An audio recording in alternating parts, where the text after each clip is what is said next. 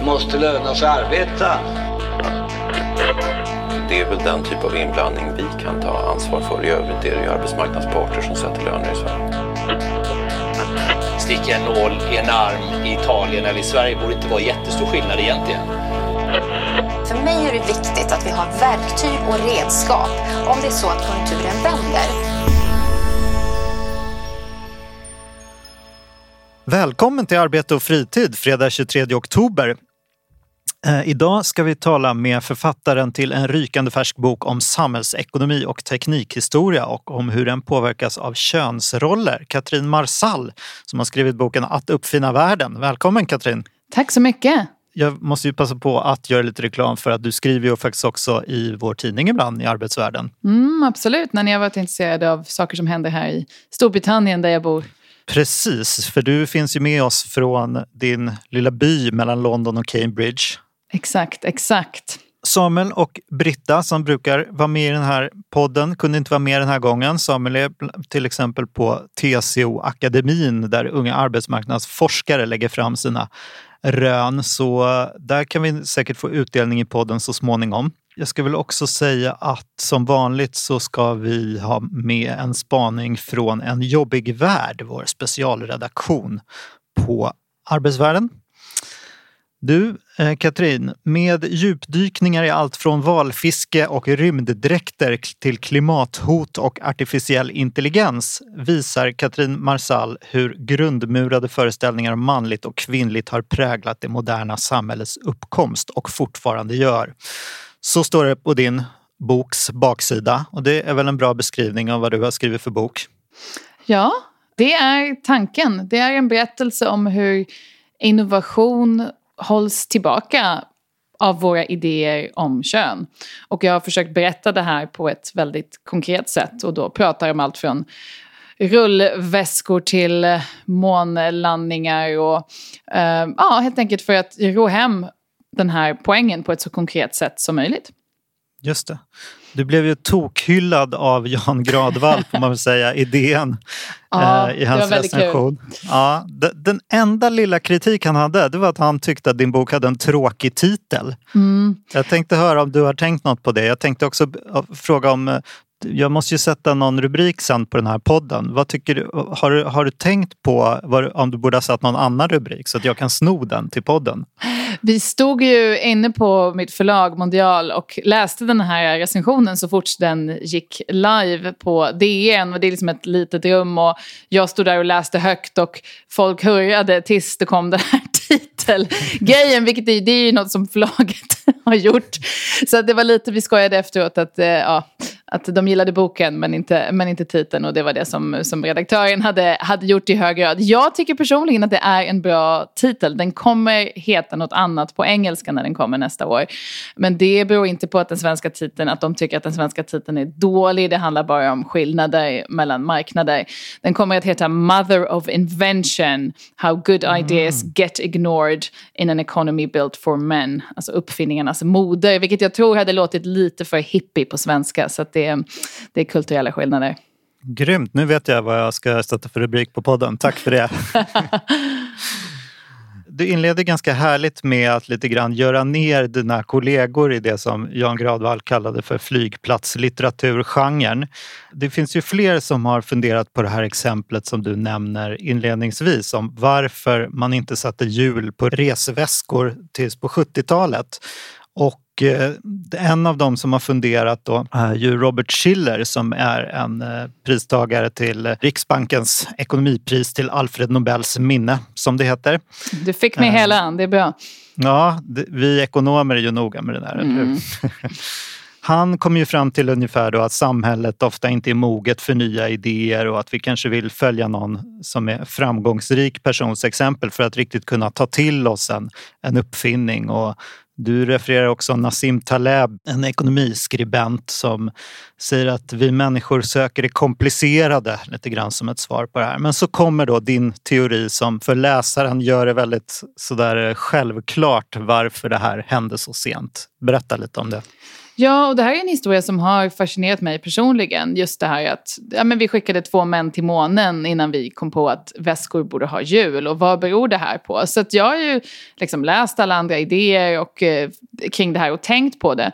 Och så kom det sig att jag började bara lite mer sådär, eh, forska i det här. Kommer inte ens ihåg riktigt hur det kom sig. Men jag började kika i tidningsarkiv faktiskt här i Storbritannien kring rullväskor innan 1972. Och och ganska snart så rullade sig upp det här som, jag då, som blir inledningen till boken. Att det hade att göra med kön. Det ansågs helt enkelt otänkbart att en man någonsin skulle rulla en väska. Och eh, även efter att den här väskan uppfanns eh, på 70-talet av Bernard Sadov i, i, USA så fanns det ett stort motstånd. Amerikanska varuhus vill inte köpa in den just för att ja, men ingen man kommer någonsin rulla en resväska och eh, kvinnor, ja de reser ändå inte själva. Utan om en kvinna reser så reser man med åtminstone en man som bär väskan åt en. Och i början så marknadsfördes den här väskan också mot kvinnor. Men så småningom så lärde sig samhället att förstå att det här är ju en ganska, ganska bra idé. Eh, att slippa konka sin resväska. Och i slutet av 80-talet så tar det här fart. Vilket då sammanfaller med förändringar på på arbetsmarknaden ska vi säkert prata om i den här podden. Förstås. Mm. kvinnor som kommer ut på, i betalt arbete i mycket högre grad och kvinnor som börjar resa på affärsresor själva. Men då också att manligheten förändras. Och idag har vi i hög grad glömt bort att, att det här ansågs vara så ett så stort, nästan otänkbart steg att en man kunde rulla en resväska. Du har ju ett annat eh, väldigt roligt exempel i inledningen på boken. Det här med elektriska bilar som också ansågs vara någonting för kvinnor. De var så bekväma så att riktiga män skulle ju aldrig använda en sån här manik utan där gäller det att veva igång bilen med veven eh, helt enkelt. Exakt, och det är den här historien för 130-140 år sedan när i bilens barndom då det fanns både elbilar och eh, bensindrivna bilar och eh, bilar drivna på vattenångteknologi. Det var liksom olika tekniker. Men ganska snabbt så stämplades faktiskt just elbilen som du säger som kvinnlig, eller nästan som en tantbil, en bil för rika tanter. Och började också produktutvecklas mot kvinnor. Det var den första bilen som gjordes med tak för en riktig man bryr sig förstås inte om om han blir blöt i regnet när han kör sin bil. De byggde så att man kunde köra den i kjol.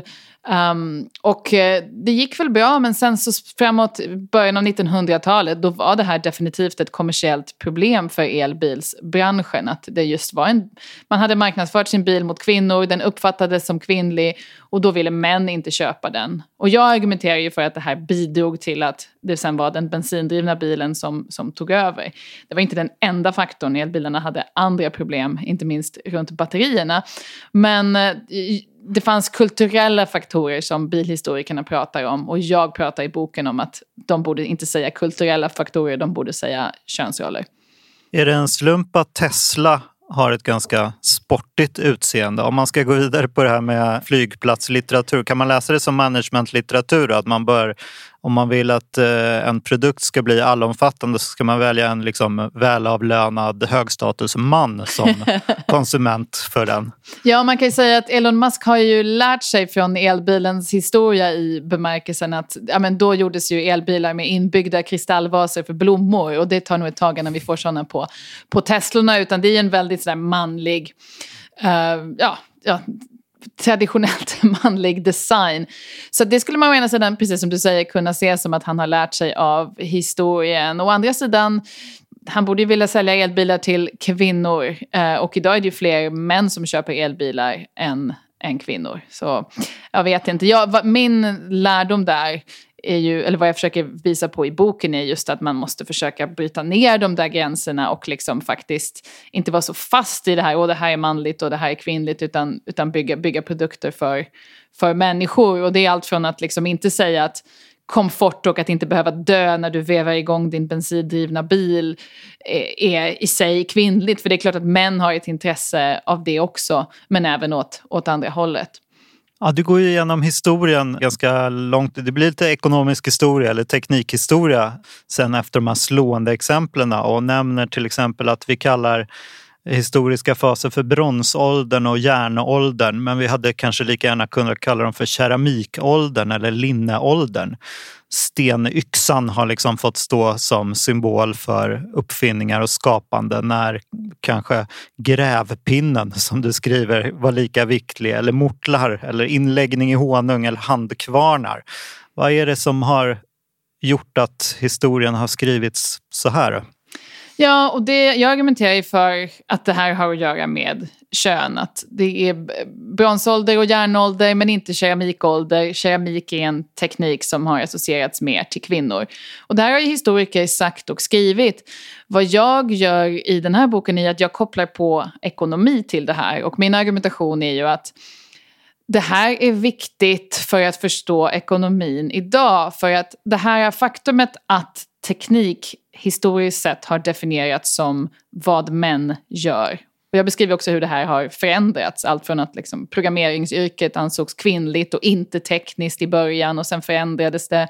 Hur man förbjöd barnmorskor från att använda verktyg av metall för det ansågs för tekniskt. Hur yrken, så fort när de blir lite mer hög status och män kommer in i dem, ofta definieras som mer tekniska. Medan när kvinnor gjorde samma sak då, då anses det inte vara teknik på samma sätt.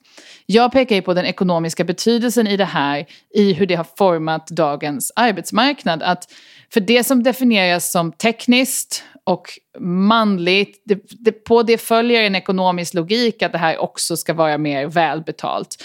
Och att många kvinnoyrken definieras som inte tekniska och därmed blir jobb som inte är särskilt välbetalda. Och att det här är liksom en central förklaring till varför vi uppfattar vissa branscher som högre status än andra. Alltså definitionen av teknik och hur saker och ting, tekniska saker hela tiden definieras som manliga har skapat den här ekonomiska ordningen också. Det är själva argumentationen som jag försöker ro hem. Rymddräkterna som bars av Neil Armstrong och Buzz Aldrin på månen är ju ett exempel på innovation som kunde komma till tack vare att det fanns företag och personer till och med så långt tillbaka i tiden som hade förmåga att se bortom de här idéerna om, om kön och vad som var manlig och kvinnlig teknik. Det Just det, jag... du skriver ju väldigt roligt hur cheferna vid det här framgångsrika och innovativa underklädesföretaget satt bredvid sömmerskorna och liksom fick lära sig hur det här fungerade och på det sättet så lyckades de liksom skapa till exempel den här framgångsrika rymddräkten då, som hade väldigt svårt att slå igenom eftersom de var gjorda av något så oteknologiskt som tyg. Precis, och eh, handsydda av, av sömmerskor. Mm. Uh, och det, det var ju en form av teknik, sömnad som liksom betraktades som mer kvinnlig vid här, den här tidpunkten och eh, många försökte göra hårda rymddräkter, de funkade inte. Till slut var den här rymddräkten som då tillverkades av ett företag um, i underklädesbranschen och som kom ur underklädesbranschen som flyttade sina sömmerskor från bioproduktion till rymddräktsproduktion. Och de kulturkrockar som det innebar gentemot beställaren då, NASA, som ville ha och det kan man ju också förstå NASAs perspektiv. Ska du skicka två människor till månen vill du gärna se till att de har bra kläder på sig. Och NASA ville, ville ha liksom tekniska ritningar som de kunde, som förklarade alla, allt med de här rymddräkterna. Men så arbetar man ju inte inom, inom sömnad och eh, till slut fick man lösa det här genom att eh, företaget anställde specifika ingenjörer som egentligen inte jobbade med rymddräkterna utan bara producerade tekniska ritningar som kunde lugna NASA men som sömmerskorna inte använde. Uh, men det, där kan man, man kan ju faktiskt förstå alla sidor i den där. Uh, och vi kom till månen till slut. Uh, och Neil Armstrong och Buzz Aldrin de klarade sig eh, i de där rymddräkterna. Så att det är en solskenshistoria och det var därför jag ville, ville berätta den också. Att det är förmågan att bli innovativ kan ofta komma ur att man liksom lyckas tänka, tänka bortom de här eh, könade idéerna. Ett exempel som du drar i den här boken är ju det här med riskkapital och du berättar lite om bakgrunden till hur riskkapital uppstod och skriver också att incitamentstrukturen idag gynnar företag med världsdominerarstrategier kan man väl kalla det. Alltså elsparkcykeln Voi gynnas men inte nagelsalonger som du skriver någonstans. Att kvinnors permanenta finanskris håller tillbaks tillväxt och innovation. Hur kan det här ändras, mm. tänker du? Ja, nej, det är ju så, så tydligt exempel Alltså, vi tänker ju lätt att vi är väldigt jämställda i Sverige och det är vi ju på, på många sätt. Det vet ju inte, inte minst jag som bor i Storbritannien. Men, men just om man tittar på riskkapital, som ju naturligtvis, det finns ju många andra sätt att hitta finansiering för en idé eller ett företag eller en uppfinning. Men riskkapitalet har blivit allt viktigare de senaste 15 åren, inte minst. Och det är också en så tydlig bild. Och i Sverige går runt 99 procent av allt riskkapital till män. Och när jag har pratat om det här i olika sammanhang så är det alltid någon som räcker upp handen och säger ja men det beror ju bara på att män har bättre affärsidéer. Och då måste man säga att ja, jag kan vara öppen för den förklaringen, vi vet inte. Men det är faktiskt väldigt orimligt att det skulle förklara en så extremt skev fördelning, alltså 99 procent. Det måste rimligen vara någonting annat som, som finns här. Uh, och jag argumenterar ju för att det är liksom logiken i hela den formen av finansiering som har blivit allt mer betydelsefull. Att det är företag med potential att liksom bli enormt stora som, som man satsar på inom den här finansieringsformen. Och också hela det här, men bara hur man pratar om det, crush it, disrupt, dominera marknaden. Um, kvinnor tenderar inte att starta den typen av företag av massa olika skäl. Det är inte den typen av, och det är inte de idéerna som ofta, kvinnor oftare har än män som premieras i det här systemet. Och det bidrar tillsammans med många andra faktorer till till den här extremt skeva fördelningen som ju är ett problem för, för hela samhället. Vi står inför stora utmaningar. Vi behöver de bästa idéerna. De ska, ska komma fram och få finansiering och kunna bli verklighet. Och, och så är det inte idag. Och jag tror att man måste titta på och det görs ju, um, liksom hitta alternativa finansieringsmodeller och vägar. Har du någon eh, idé om vilken typ av idéer som skulle gynnas om kvinnor fick 50 procent av riskkapitalet. Skulle det vara annorlunda idéer? Skulle det vara, bli en bättre värld så att säga? Alltså, jag tror inte det, man ska ju vara lite försiktig med det där för jag tror inte heller man ska tro att liksom bara man släpper in fler kvinnor så per se så blir allting eh, mjukt och fint och hållbart och, och liksom härligt. Uh, alltså det vore ju kul om det blev så men jag, tror inte, jag tror inte man kan liksom lita på det. Alltså, vad jag, alltså min stora tes i boken är ju någonstans att liksom, det är inte bara att kvinnor har stängts ute utan grundproblemet är att vi har liksom tagit vissa värden och stämplat dem som kvinnliga. Och det kan vara allt från liksom, hjul på resväskor till håll, liksom, ekologisk hållbarhet till tak på bilar eller komfort eller mjuka saker. Men allt som stämplas som kvinnligt av olika skäl blir också det som, som inte tas på lika stort allvar eh, i ekonomin. Och att det någonstans är problemet. Så att det är liksom mer det jag försöker luckra upp för att vi då ska hitta de bästa idéerna och kunna, kunna skapa en, en bättre ekonomi och lösa många av våra problem utan att vara begränsade av det där tänket. Så det är egentligen mer det jag pratar om än liksom kvinnor per se. Men just när vi pratar naturligtvis om finansiering och det är sån extremt stor skillnad så eh, jag tror att det hänger samman. Alltså, liksom, jag tror inte vi kommer få in fler, fler kvinnor utan att i grunden liksom förändra till exempel riskkapitalbranschen. Um, så att förändringen av, av liksom hela systemet och att man väljer att försöka inkludera människor, inte bara kvinnor, men det är ju andra som har uteslutits och vars idéer man inte lyssnar på. Uh, det hänger ihop. Men finns det något sätt att vara konkret? Vad tror du? Alltså du är ju inne på, eller ja, ett exempel är ju resväskor på jul, men du är också inne på att det här, du skriver om nagelsalonger till exempel, som ett exempel. Finns det någonting idag som är typiskt kvinnligt liksom, som skulle kunna växa? Eller vad ser du? Om man, går det att vara konkret på något sätt där?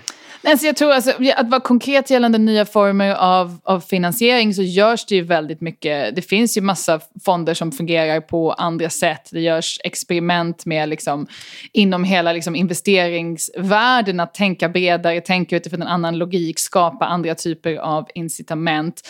Uh, så där, där finns ju massa konkreta exempel men de har inte skalats eller blivit så stora ännu.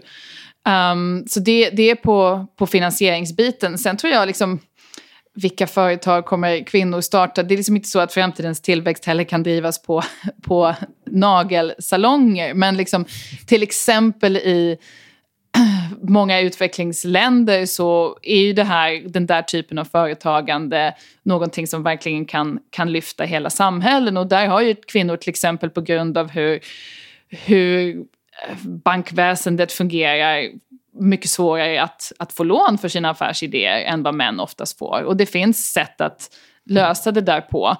Uh, och allt det här, det görs ju. Det görs ju. Um, men det är inte i tillräckligt stor skala än. Och mitt mål med den här boken är att någonstans berätta den stora berättelsen om det här. Så att förhoppningsvis för, att folk får folk att tänka kring hur mycket som faktiskt står på spel. För att å ena sidan man kan tänka åh riskkapital, ja men det är en, ändå en ganska liten grej. Men de som får den här typen av finansiering och sen lyckas, de får ju en makt. Alltså ta de stora liksom, riskkapitalfinansierade idéerna de senaste 15 åren de har ju haft makt att liksom omforma hela, hela samhällen, alltså, eller arbetsmarknaden, alltså Uber till exempel. Uh, de idéer som lyckas, uppbackade av den här typen av kapital, får makt över så mycket annat i samhället. Och mm. då när, de, när det när de här pengarna går till 99 procent som de gör i Sverige bara till män, då har vi någonstans ett problem. Vi vill liksom att framtidens AI och framtidens mediciner och framtidens transportnät och framtidens liksom regler på arbetsmarknaden um, att det är fler som deltar i det, fler som är med och dikterar vad det där ska bli än, än vad det är idag. Och då måste man prata om det här. Mm. Du kommer ju också in på influencers roll. Alltså jag är lite fast i det här fortfarande med vad kvinnliga sektorer skulle kunna vara eller vilken typ av verksamheter som skulle utvecklas. Jag tänkte ta omvägen genom ditt kapitel om influencers påverkan och det här nya liksom eh, någon som säljer och underhåller oss i den privata sfären eller shoppingsfären eller vad man ska kalla det. Kanske med TCO ord något som skulle kallas livspusslet. Då.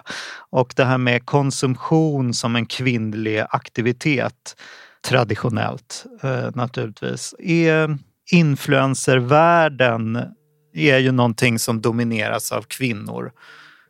Är det någonting som... Alltså jag tror anledningen till att jag har ett, ett helt kapitel i boken som heter någonting i stil med eh, i vilket influencers blir rikare än hackers. Det är ju för att jag Eftersom den här boken på många sätt handlar om att det som vi kallar för kvinnligt och ofta det som kvinnor gör nedvärderas och måste tas på mer allvar. Då vill man också göra den där bilden tillräckligt komplex. Att det är inte så, eller jag menar i alla fall inte att det är så att allt som kvinnor håller på med idag liksom, och allt som kopplas som kvinnligt, att liksom, lösningen på alla våra problem ligger i att uppvärdera det och liksom det är mer komplext än så. Och då blir det här med influencers ett intressant exempel. För att å ena sidan så är det, apropå teknik också, att de senaste 15 åren så har sociala medier revolutionen gjort att aktiviteter som är traditionellt kvinnliga och som låg utanför den ekonomiska sfären plötsligt har blivit något som du kan tjäna pengar på. Alltså du kan ju tjäna pengar på att vara gift om du bara är bra på att ta bilder på det och dina barn och ditt hem. Um, du kan, många, alltså inom influencervärlden, det, är ju, det handlar ju om den traditionellt, ofta om den traditionellt kvinnliga kompetensen inom konsumtion. Alltså det, det, det är det jag skriver om. att Det är en av få ekonomiska roller som kvinnor har uppmuntrats till att ta och specialisera sig mot. Kvinnor, alltså kvinnor konsumerar, det är vi som är liksom, jordens största konsument. Och det betyder, beror inte på att vi köper massa skor och handväskor eller att kvinnor är rikare än män, för det är kvinnor inte, utan det har att göra med att kvinnor liksom, i kvinnors arbete så ligger det att man ska konsumera åt andra, åt hushållet, köpa mat och, till barnen och presenter till svärföräldrarna och eh, skor och ja, och det är ju... Just det. Är det här, är det här hem, obetalda arbetet i hemmet, det, är ju, det skulle man kunna tänka sig som en kvinnlig sfär som skulle ja. kunna utvecklas med affärsidéer. Precis. Och det har Matkassar, typ. Matkassar, precis. Och det är ju liksom och där har ju faktiskt tekniken kommit in och möjliggjort det här. Och min ingång i hela det kapitlet är ju att hur Kylie Jenner, ja, en del i den här Kardashian-filmen som jag fick, eller Kardashian-familjen som jag fick nöjet att lära mig väldigt mycket om under arbetet med den här boken. Um, um, blev då utnämnd av Forbes Magazine till världens uh, yngsta dollarmiljardär. Och tidigare var det här en titel som hade innehafts av Mark Zuckerberg och, eh, och innan dess av Bill Gates. Och för mig var det där, det där var ju någon sorts liksom, ganska provokativ bild av, av, av ekonomin. Alltså från Bill Gates till Mark Zuckerberg och nu Kylie Jenner. Och någonstans alltihopa var ju teknikutvecklingens olika, olika stadier så att säga. Uh, och hur liksom Bill Gates ledde till Mark Zuckerberg och Mark Zuckerberg ledde till Kylie Jenner. Det var det jag var intresserad av. Och vad säger det om kön? Och sen plus att det finns ju någon slags liksom, ändå berättelse i samhället att, att det där är kvinnofrigörelse. Att liksom Kylie Jenner som åker runt i, i sitt rosa privatjet och har tjänat alla pengarna på att sälja läppstift över sociala medier det där är liksom kvinnofrigörelse och så har man massa åsikter om det. Och jag vill ju visa hur dels den debatten är väldigt gammal, alltså diskussionen om kvinnor och konsumtion och att man både uppmuntrar kvinnor till att ta den rollen men samtidigt gör ner kvinnor och skambelägger det. Det där är väldigt gammalt. Jag skriver om hur när varuhusen uppstod i slutet av 1800-talet. Och alltså bara göra den här bilden mer komplex genom att prata om det rent, rent ekonomiskt. Nu har vi pratat om shopping och hemmet och barnuppfostran som influensen ofta handlar om. Eh, men det finns väl också det här med eh, Alltså i många länder är ju obetalt arbete att ta hand om äldre och barn. I Sverige har vi liksom gjort det offentligt. Men den sektorn, interpersonella eller omsorg och så, det måste ju booma också nu igen liksom den tjänsteekonomi som vi har utvecklat de senaste 30 åren och, och så mycket måste kretsa kring att utveckla affärsmodeller inom. Särskilt som vi lägger allt mer pengar liksom på tjänster och, och personliga tjänster. Det går ju också in i institutioner och det som är privat och offentligt. Alltså jag tänker att skolor, sjukvård. Det finns väl en anledning till att vi i Sverige till exempel eh, allt mer har privatiserat det här för att det är intressant och det expanderar som del av vår konsumtion. Hur, ska man, hur ser du det där eh, gränslandet mellan privat och offentligt kring de här sektorerna? Hur, hur uppfinningar skulle kunna landa i, i det där? Alltså, jag tror lite det är liksom en, en, annan diskussion. Jag tror att den är väldigt, väldigt viktig. Och vad jag pekar på i boken, i slutet så landar jag ju i liksom en diskussion om framtidens arbetsmarknad och åt vilket håll som tekniken kan väntas liksom förändra den arbetsmarknaden, var efterfrågan kommer att ligga. Och eh, och där går jag ju in i till exempel, det, görs, det har gjort jättemycket studier de senaste åren där liksom ekonomer försöker på olika sätt prognostisera och se in i framtiden kring vilka jobb som kommer automatiseras och inte automatiseras.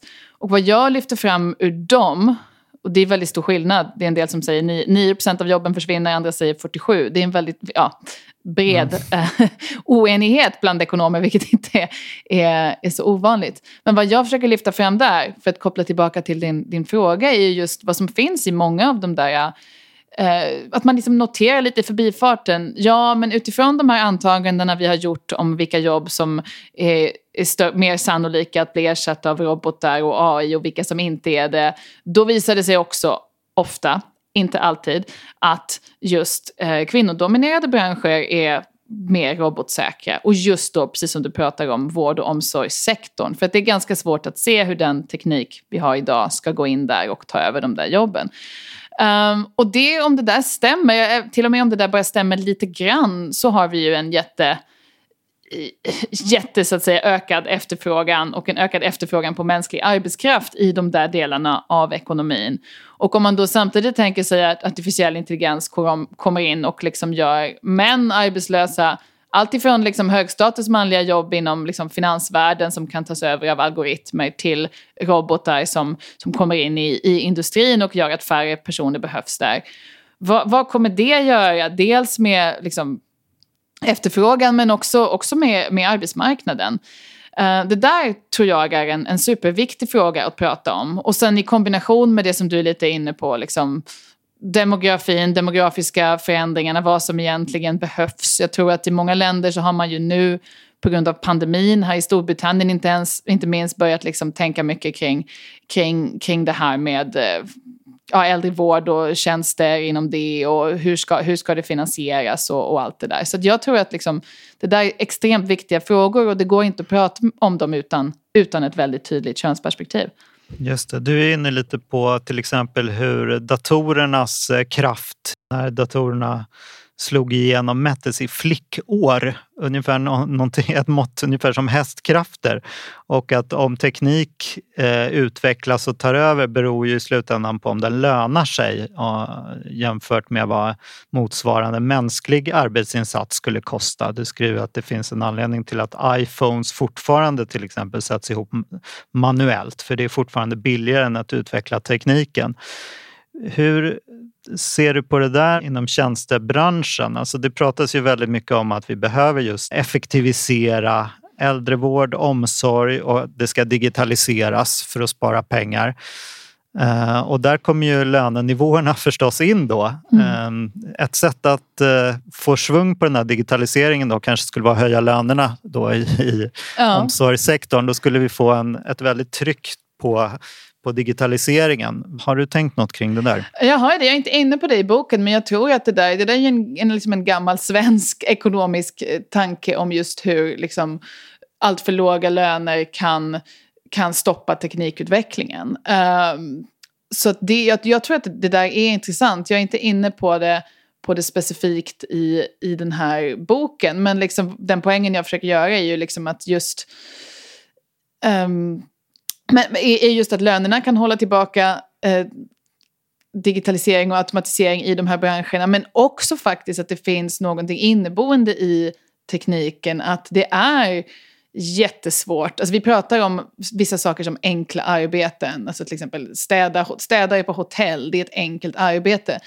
Men egentligen det är ohyggligt svårt och kanske till och med omöjligt att skapa robotar eller maskiner som kan till exempel städa hus eller, eller hotellrum till den standard som vi människor klarar av. Samtidigt som det är lätt att skapa maskiner som slår världsmästaren i schack eller är jättebra på att läsa röntgenplåtar. Så det finns ju också någonting, någonting där i att hur vi tänker kring vad som är ett lågkvalificerat arbete jämfört med ett högkvalificerat arbete. Om det helt plötsligt är på många plan lättare att bygga maskiner som tar över många arbeten som vi uppfattar som högkvalificerade och det är liksom faktiskt svårare. Att bara för att en robot kan slå Gary Kasparov i schack så betyder inte det att liksom, den också kan ställa sig och vika tvätt. Och det trodde man ändå någonstans ganska, ganska länge. Utan att just många av den här typen av arbetsuppgifter är faktiskt oerhört svåra att ersätta med, med teknik. Um, så det är jag inne på i boken också. Och vad det skulle kunna få för konsekvenser gällande, gällande kön. Du avslutar i boken med att titta framåt på klimatkrisen och utmaningarna eh, i samband med det och nämner de här två ståndpunkterna som har kallats för trollkarlar och profeter. Trollkarlar då teknikförespråkarna som tror att vi kan lösa det här med nya innovationer och profeterna som säger att nej, vi måste skära ner på vår konsumtion. Men du landar kanske i slutsatsen att vi skulle behöva fler häxor istället. Jaha, jag vet. Jag vet.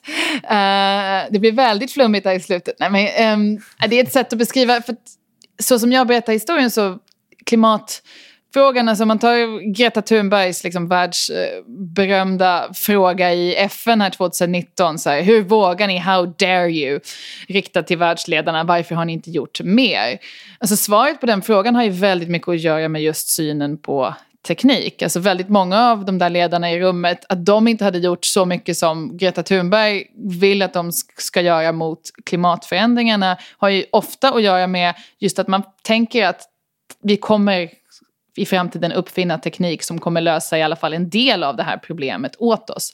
Så att en syn på teknik och uppfinningar hänger samman med liksom vad man är beredd att göra här och nu mot, mot klimatåtgärderna. Så det, det är minst någon slags början. Men sen så, jag, eh, jag tittar ju på det utifrån ett, ett könsperspektiv för att klimatfrågan är en av de frågor, om man ska, för det är en sak att som jag Liksom, jag beskriver saker och ting förr i tiden, hur vi liksom inte kunde se att res, hjul på resväskor eller elbilar var liksom rimliga idéer även för män.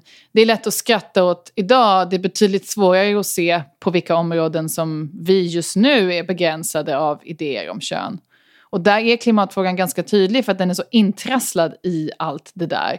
Alltså naturen kodas som kvinnlig, moder jord, tekniken, människan satt för att dominera henne. Det där bildar ju grund för till exempel hur liksom man ser på, på det här förhållandet inom, inom nationalekonomin och även, även rent, eh, rent kulturellt.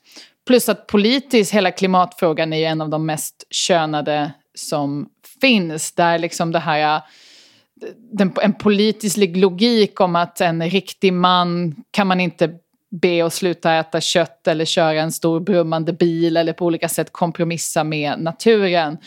Det har blivit liksom en central politisk logik och liksom styr liksom ekonomisk politik liksom i stora ekonomier som Brasilien eller, eller USA idag. Och det är precis det här som jag är intresserad av i boken, hur liksom det mjuka, alltså idéer om kön, kan liksom verkligen på ett oerhört konkret sätt påverka det hårda. Vilka uppfinningar som blir till, vilken teknik som blir till, vad vi väljer att göra för att rädda klimatet eller inte. Mm. Så det, vad går den här häxlogiken ut på då? Vad är det ja, häxlogiken, alltså, det, var ju bara ett, det var ju bara ett sätt att...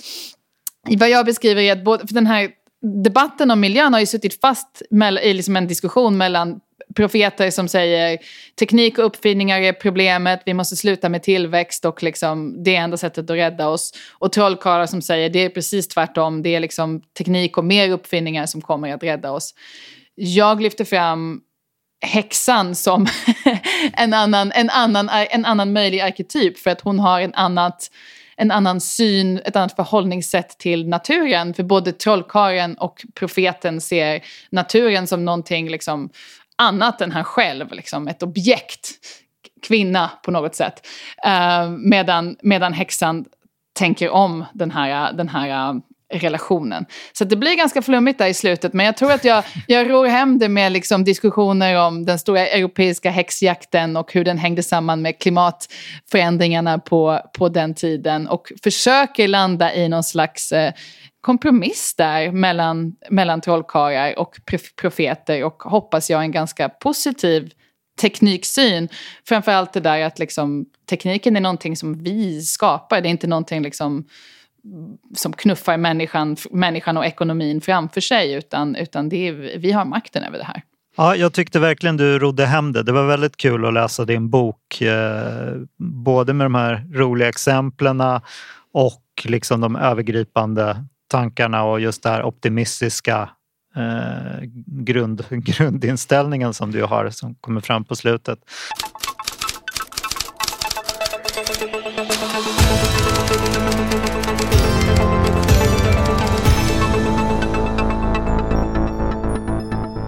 Bred politisk samsyn kring dörrmattor Dörrmattor är en inredningsdetalj som möts av fördomar och okunskap i det svenska samhället. Det vill regeringens samarbetspartier ändra på med stöd av Vänsterpartiet. Att som dörrmatta bli trampad på är något att vara stolt över. Man kan se dörrmattan som skons samarbetspartner, säger Liberalernas Nyamko Sabuni.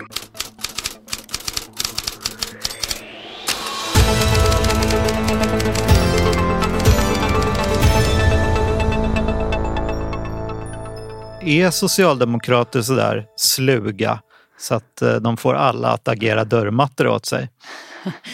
Ja, med mitt internationella perspektiv så skulle jag väl snarare säga att det verkar väl vara något av en allmän politisk eh, lag att eh, stora partier vinner på bekostnad av andra i olika koalitionsregeringar, eller? Ja, samtidigt så jag tycker man kan ifrågasätta, är Centern och Liberalerna dörrmattor då? Nu, så, nu pratar vi ju LAS och där har de ju verkligen fått igenom det de ville. Ja, precis. Men jag misstänker att de kanske ses som dörrmattor av vissa av sina väljare, men inte andra kanske. Eh, nej, precis, precis. Ja, men du har det internationella perspektivet och där är socialdemokrater i Sverige inte bättre än eh, sina kompisar i andra länder.